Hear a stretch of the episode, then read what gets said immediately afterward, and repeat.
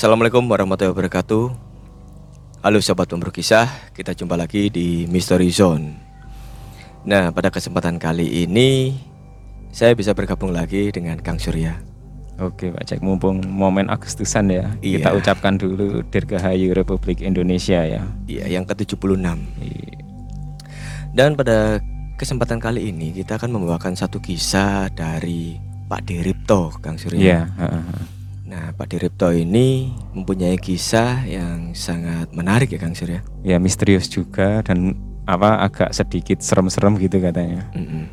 Nah kalau gitu langsung aja Kang Surya Gimana kisahnya dari Pak Diripto ini?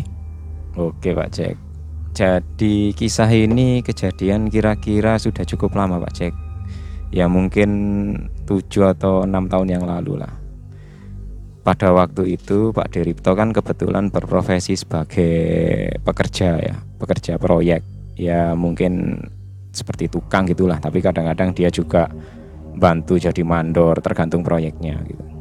Kebetulan proyek yang dia tangani kali ini ya tidak sederhana artinya bukan di bukan rumah atau apa tapi seperti kayak bangunan bertingkat gitu gedung gitu nah Pak Deripto ini awal-awal berangkat ke lokasi proyek di sana itu sebenarnya sudah kondisinya sudah rata. Artinya bangunan yang sebelumnya itu sudah dihancurkan sudah dibersihkan jadi tinggal memulai pekerjaan bangunan baru gitu.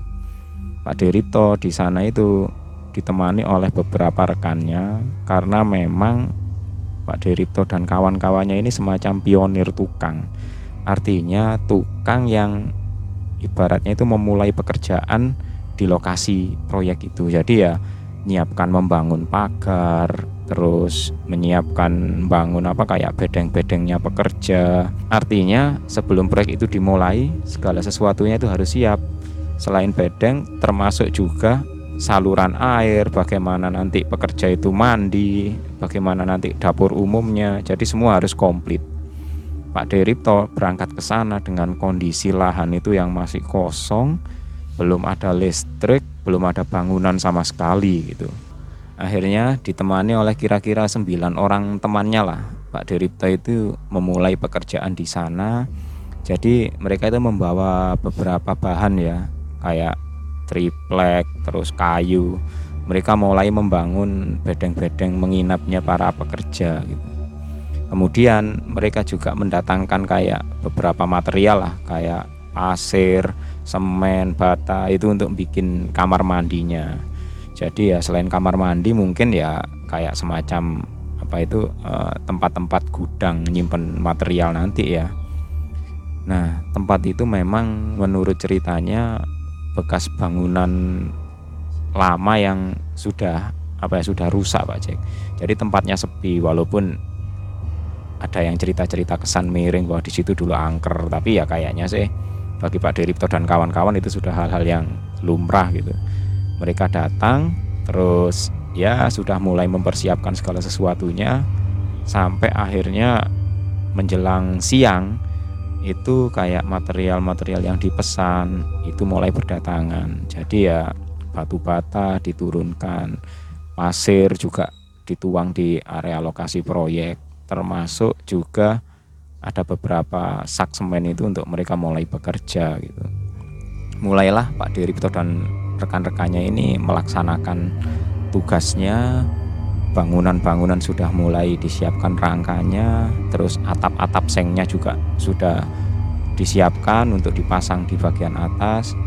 Ya akhirnya setidaknya walaupun tidak selesai dalam satu malam itu, satu hari itu malam itu mereka bisa menginap lah di salah satu bedeng yang sudah jadi. Karena bedengnya kan rencananya kan banyak ya termasuk area kamar mandi masih belum selesai dibuat. Jadi ya Pak Deripto dan kawan-kawan itu malam itu rencana menginap di salah satu bedeng yang sudah jadi gitu. Nah akhirnya mereka istirahat sampai menjelang maghrib. Itu satu bedeng itu sudah mulai dihuni oleh rekan-rekannya Pak Deripto kebetulan Pak Derito itu kan waktu itu masih belum nyambung listrik ya.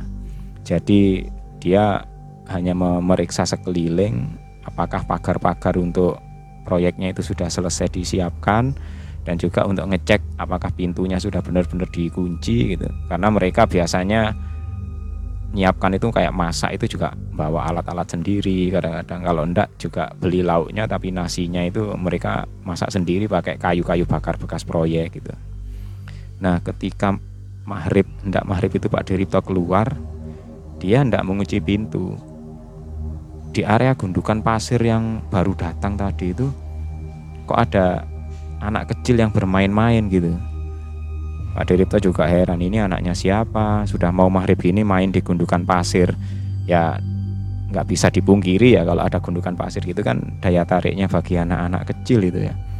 Dia kok main sendirian gitu anak laki-laki itu. Umurnya paling ya belum sampai lima tahun lah. Sama Pak Deripto dipanggil ayo le pulang le sudah mau malam ini. Pintunya mau Pak D kunci loh gitu. Anak kecil itu cuma tertawa tersenyum gitu sambil melempar-lemparkan pasir. Ya mungkin bikin kayak semacam rumah-rumahan pasir atau apa gitu ya kayak jalan-jalan gitu. Terus dia bawa potongan kayunya. Proyek itu kayak dibikin mobil-mobilan gitu. Ya Pak Diripto agak ambil pusing. Cepetan pulang loh nanti mau Pak dikunci pintunya gitu. Akhirnya Pak Diripto balik ke bedeng dia ngambil apa kayak gembok gitu maksudnya ya biar segera dikunci dan si bocah itu segera pergi. Baru saja sebentar masuk ke bedeng Pak Diripto keluar lagi. Di posisi gundukan pasir itu sudah sepi. Dan Pak Diripto berjalan ke sana itu kayak bekas-bekas pasir itu kayak dibuat mainan jalan-jalannya mobil dan lain sebagainya itu mobil-mobilan itu kayak tidak ada. Jadi Pak Diripto merasa perasaan tadi ada anak yang main-main di sini terus bikin mobil-mobilan di gundukan pasir, bikin jalannya. Kok ini mau dikunci ditinggal sebentar kok malah hilang gitu. Ini ah sudah mungkin bener kata orang-orang di sini tempatnya angker gitu. Ini Pak Deripto ngunci pintu pagar, dia masuk lagi karena mungkin ya teman-teman sudah nyiapkan ada yang masak nasi atau apa gitu mungkin lauknya mereka sudah beli di luar sebelumnya ya di luar proyek gitu nah menjelang malam Pak Dirito sudah melupakan lah kejadian maghrib itu tadi. Nah, teman-temannya ini lagi asik ngopi sambil apa ya kayak mainan dengarkan musik dari HP-nya gitu. Karena katanya sih gantian, jadi nyetel musik yang satu pakai HP-nya ini nanti satu jam berikutnya ganti HP-nya karena mereka menghemat listrik, belum ada listriknya soalnya di sana. Jadi Pak Diripto kemudian istirahat. Terus salah satu tukangnya ini kayak yang habis dari luar gitu habis buang air kecil ini masuk sambil bilang itu kok ada anak-anak ya di pasir? Pak Diripto di sela tidurnya itu ya kedengaran lah suara-suara teman-temannya gaduh itu. Dia membuka mata dan teman-temannya itu kayak gaduh ada anak kecil mainan di pasir terus tak suruh pergi kok anaknya hilang lagi gitu. Nah, biarin aja. Akhirnya Pak Diripto dengarkan mereka ber bergumam dengan cerita-cerita itu ya kayaknya sih nggak diambil pusing juga sama teman-temannya. Mereka tidur lagi. Tapi ya Pak Diripto malam itu dalam tidurnya itu mungkin sempat kepikiran ya kok kok sampai dua kali? Artinya bukan aku saja ini yang kena masalah ini. Akhirnya sampai malam hari nggak ada kejadian apa-apa nggak ada gangguan lagi. Esok paginya mereka sudah bersiap memulai pekerjaan. Karena pekerjaan berikut ini kan kayak bikin kamar mandi dan lain sebagainya. Jadi bata, semen dan pasir itu diangkut ke area belakang proyek yang mana di situ sudah disiapkan lubang karena juga bikin septic tank juga untuk proyek. Walaupun proyeknya nggak nggak lama lah mungkin 5-6 bulan lah. Tapi mereka juga nyiapkan kamar mandi komplit dengan septic tanknya. Akhirnya gundukan pasir itu di apa? Diambil satu demi satu bata juga diangkut didorong dengan gerobak ke belakang. Mulailah tukang-tukang itu mengaduk pasir dan dan semennya gitu. Baru saja apa grup pertama gerombolan orang-orang tukang ini bekerja dengan semen, pasir dan batu bata untuk menyiapkan aduan adonan. Ini salah satu tukang yang ada di depan. Ini sempat berteriak. Ini apaan ya kok kok nemu barang aneh ini. Akhirnya semua itu berhenti kerja mereka berdatangan menuju ke tempat salah satu tukang yang berteriak tadi. Dan di sana itu ternyata di dalam gundukan pasir itu mereka itu nemu kayak seperti tulang tulang tapi ya aneh bentuknya bukan seperti tulang binatang kayak mungkin tulang ayam atau tulang kambing atau apa. Itu bentuknya tulangnya itu utuh dan sepertinya itu tulang manusia. Tapi ukurannya memang ya nggak apa nggak sebesar orang-orang dewasa. Pak Deripto sempat berpikir apa ini ada hubungannya dengan kejadian yang kemarin sore dan tadi malam? gitu ya. Akhirnya ya Pak Deripto pun berinisiatif ya sudah anu aja ini nanti kita amankan dulu terus nanti kita carikan kain atau apa gitu ya nanti kita kita kubur lah gitu kita tanya barangkali di sekitar sini ada pemakaman atau apa nggak tahu ini tulang siapa ya. Tapi kalau menurut bentuknya sih katanya orang-orang kayak tulang manusia gitu. Akhirnya disimpan bahkan sampai ketika kayak apa orang-orang teknisi proyek itu datang untuk ngecek lokasi ya hal itu juga disampaikan bahwa ada sesuatu di material yang mereka pesan. Jadi ya mereka nggak tahu juga karena kan biasanya truk kalau pesan pasir itu kan nggak nggak ngambil dari galangan atau apa Pak ya pesannya memang di galangan tapi mereka ngambil pasirnya kan langsung dari dari lokasi. Jadi dari sungai yang ngambil langsung dari sungai. Jadi ya nggak tahu yang di sungai itu ada benda apa saja. Kalau misalkan nggak jeli gitu ya ada batu yang ikut ya masuk ke dalam truk pasirnya yang ngangkut gitu. Dan kebetulan kok hari itu bendanya yang ikutan kok agak misterius gitu akhirnya setelah diskusi dengan orang-orang yang berkepentingan di proyek ya mereka sepakat lah benda yang misterius ini entah tulang manusia atau bukan itu infonya ya kayak dibungkus kain kemudian juga dititipkan ke salah satu orang yang daerah situ yang katanya lebih tahu lah kayak semacam kami tua atau apa gitu. Jadi biar biar di bisa dimakamkan atau apa secara layak gitu.